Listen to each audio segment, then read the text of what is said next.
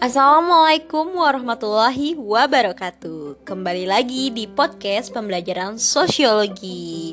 Pada kesempatan kali ini kita akan mempelajari materi terakhir dari bab permasalahan sosial. Jadi harus disimak ya. Nah, materi kali ini kita membahas mengenai ketidakadilan sebagai masalah sosial. Oleh karena itu, tanpa berpanjang lebar, mari kita simak materi kali ini. D ketidakadilan sebagai masalah sosial.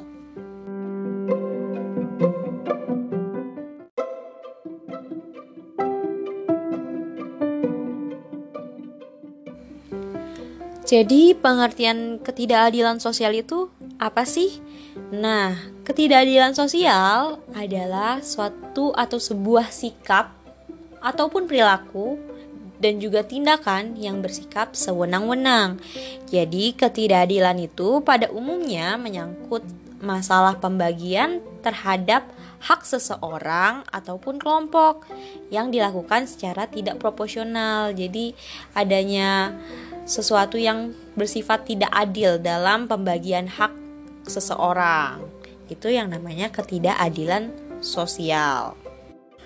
Tentunya, jika ketidakadilan tersebut uh, berlarut-larut dan terus-menerus dilakukan dan tidak disikapi dengan baik, maka akan menimbulkan suatu masalah nih yang tentunya menimbulkan masalah sosial yang ada di masyarakat. Di sini bisa kalian lihat terdapat lima prinsip ketidakadilan sosial. Yang pertama, elitisme efisien. Yang kedua, pengecualian perlakuan. Nah, jadinya ada nih perlakuan seseorang yang dikecualikan. Tentunya ini akan menimbulkan e, masalah ketidakadilan sosial. Yang ketiga adalah prasangka. Nah, prasangka ini dianggap sebagai hal yang wajar. Jadi, ini tentunya menyebabkan e, ketidakadilan e, sosial itu sendiri. Yang keempat, adanya keserakahan. Nah, keserakahan ini juga uh, harusnya kan sesuatu hal yang buruk. Namun ini dinilai baik nih. Ketika keserakahan dinilai baik maka tentunya akan muncul ketidakadilan sosial. Dan yang terakhir adalah putus asa. Putus asa maksudnya apa? Putus asa yang uh, tidak bisa dihindari oleh orang yang mendapatkan perlakuan yang tidak adil seperti itu. Nah, itu adalah lima prinsip dari ketidakadilan sosial. Jadi, nanti kita akan bahas nih bentuk dari e, ketidakadilan sosial. Itu ada lima bentuk. Yang pertama itu ada stereotip, marginalisasi, kemudian subordinasi dan juga dominasi. Nah, e, empat bentuk tersebut kita akan e, jelaskan satu persatu dan kita akan ketahui nih perbedaannya.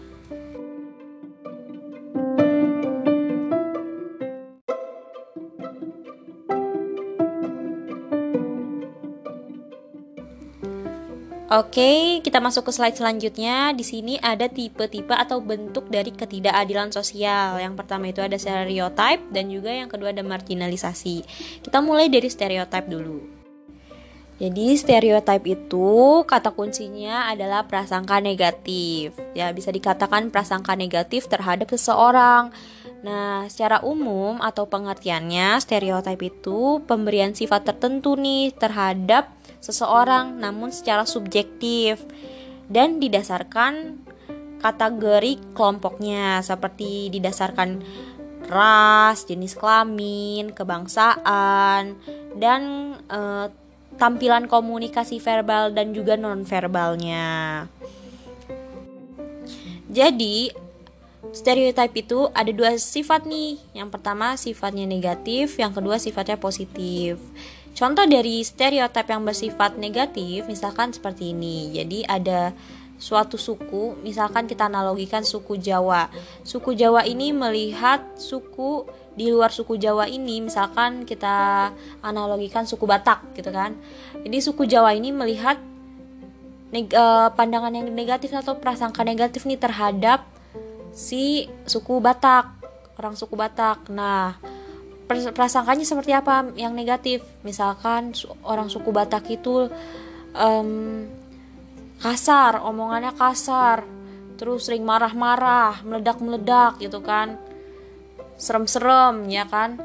Nah, itu adalah termasuk dari bentuk stereotip negatif karena tidak semua suku Batak itu kasar, menyeramkan. Banyak loh suku orang suku Batak yang cantik-cantik juga, terus yang lembut-lembut juga, ya kan?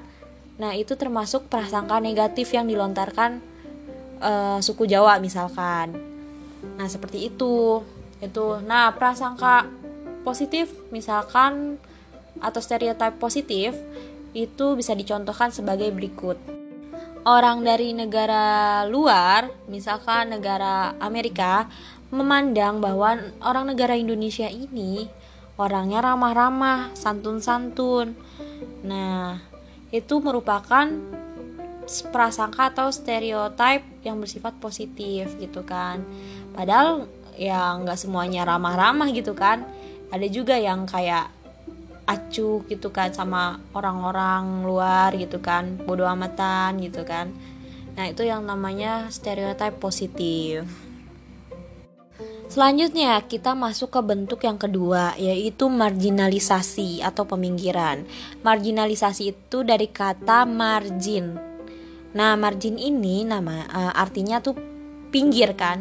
Jadi kalau marginalisasi itu adalah peminggiran biasanya tuh orang orang yang termarginalisasi itu adalah orang-orang terpinggirkan dari lembaga sosial utama gitu. Jadi mereka terpinggirkan. Orang-orang pinggiran itu biasanya namanya e, termarginalisasi gitu. Nah ini termasuk ketidakadilan nih. Contoh dari ketidakadilan so sosial di bidang gender bisa juga. Misalkan oh anak perempuan yang apa ya yang menarik ojek misalkan.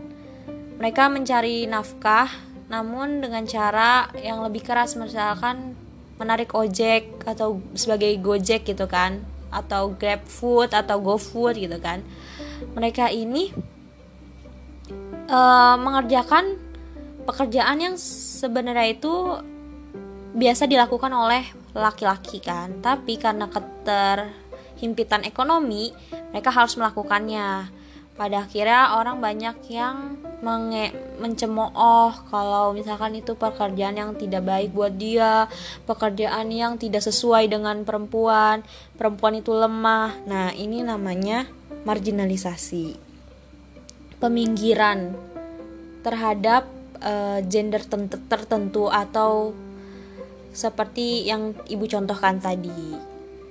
Nah, marginalisasi itu banyak loh. Ada yang uh, bisa dilihat dari etnisnya, rasnya, agama, budaya, bahasa, adat istiadat.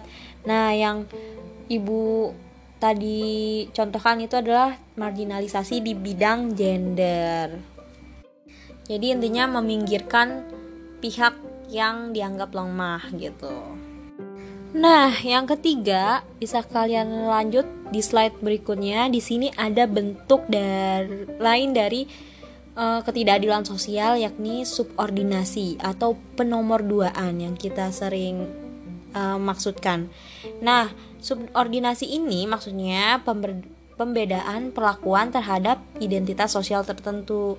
Jadi umumnya yang menjadi kelompok subordinasi adalah kelompok minoritas nih. Orang-orang yang di nomor dua kan ini adalah biasanya orang-orang yang dari kelompok minoritas atau kelompok yang lemah. Jadi anggota kelompok mayoritas dan anggota kelompok minoritas yang ada di masyarakat itu diperlakukan secara tidak seimbang. Jadi mereka biasanya eh, mengutamakan kelompok mayoritas dan kelompok minoritas ini di nomor dua kan gitu. Jadi bentuk subordinasi itu seperti apa sih contohnya? Contohnya itu ibu umpamakan seperti ini. Jadi pada zaman dahulu yang kita tahu bahwa perempuan itu tidak bisa mengenyam pendidikan kan, makanya ada nih sesosok uh, perempuan namanya Ibu R.A. Kartini yang memberikan apa ya? pemikirannya agar perempuan bisa mengenyam pendidikan karena dulu pada zaman dulu tuh perempuan itu di nomor dua kan gitu kan mereka itu dibentuk hanya untuk uh, menjadi perempuan yang nantinya bisa mengurus rumah dan suami gitu. Nah jadi um, perempuan ini tidak bisa uh, mengenyam pendidikan sekolah karena mereka ini orang-orang zaman dulu itu menomor satukan anak laki-laki anak laki-laki itu harus pinter harus bisa memimpin makanya dia bisa sekolah gitu kan di, diperbolehkan sekolah. Kalau perempuan yang penting udah ngurus rumah aja ataupun bisa ngurus suami dan anak. Nah ini bentuk dari subordinasi.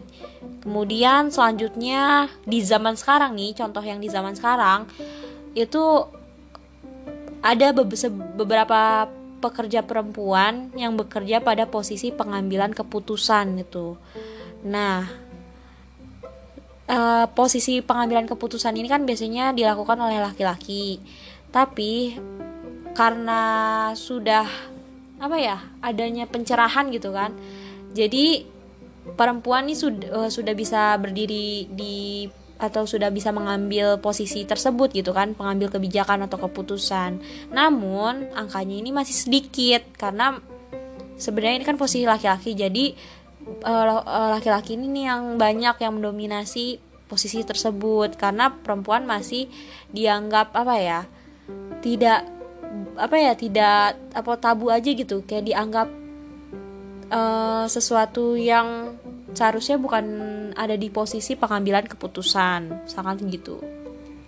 Nah kita masuk nih yang terakhir dari bentuk ketidakadilan sosial Nah, bentuk yang terakhir ini adalah dominasi. Kita artikan jadi dominasi itu pengertiannya adalah penguasaan suatu kelompok satu kelompok terhadap kelompok lainnya gitu kan. Jadi adanya nih oh, kelompok yang bersifat uh, superior, ada juga kelompok yang bersifat inferior atau minoritas. Jadi ada kelompok yang bersifat mayoritas dan kelompok bersifat minoritas. Nah, kelompok yang bersifat uh, mayoritas ini biasanya itu mendominasi nih entah itu di bidang uh, sektor ekonomi terus politik ataupun lainnya gitu Nah, biasanya orang-orang yang dari kelompok dominasi atau kelompok yang kuat ini biasanya itu bersikap sewenang-wenang nih terhadap kelompok yang minoritas atau kelompok yang lemah. Kita bisa contohkan seperti ini. Jadi, Kalian tahu kan kalau Pulau Komodo itu mau dijadikan proyek proyek namanya Jurassic Park. Jadi nanti di Pulau Komodo itu ada suatu kayak destinasi wisata bertemakan Jurassic World gitu. Nah, sebenarnya eh, yang kita tahu bahwa jika proyek itu dijalankan tentunya akan mengancam nih kepunahan komodo yang ada di sana dan juga masyarakat-masyarakat di Pulau Komodo itu tentunya terpinggirkan kan akhirnya uh, mereka harus terusir dari pulau tersebut. Nah, karena mereka ini adalah orang-orang yang minoritas atau orang-orang yang lemah, ya mereka tidak bisa mengambil tindakan apa pun karena orang-orang yang memegang proyek itu mempunyai kekuatan atau power yang lebih untuk menyingkirkan orang-orang minoritas. Nah, ini bentuk dari bentuk konkret atau contoh konkret dari kelompok dominasi seperti itu. Adapun contoh lain nih, misalkan yang kita tahu bahwa orang-orang Cina atau etnis Tionghoa ini lebih mendominasi di bidang perdagangan di beberapa Asia. Jadi kan emang semuanya made in China, made in China. Karena memang pada dasarnya orang atau etnis Tionghoa ini lebih ahli nih di bidang uh, apa ya perdagangan dibandingkan etnis-etnis lainnya gitu kan. Nah itu sepertinya bentuk dari contoh konkret dari dominasi. Oke, mungkin cukup sekian nih materi terakhir uh, di semester kali ini, semester 1. Nah, kalian uh, kan pasti banyak tuh libur libur bersama kan, cuti bersama. Nah, kalian pergunakan waktunya sebaik-baik mungkin untuk mempersiapkan uh, penilaian akhir semester nih atau pas. Jadi kalian harus mereview kembali materi-materi yang telah Ibu ajarkan. Jikalau ada kendala atau kesulitan, kalian bisa banget untuk uh, bertanya kepada Ibu secara pribadi atau uh, di personal chat. Oke, cukup sekian. Uh, jikalau ada kata-kata yang kurang berkenan, mohon harap maklum. Wassalamualaikum warahmatullahi wabarakatuh.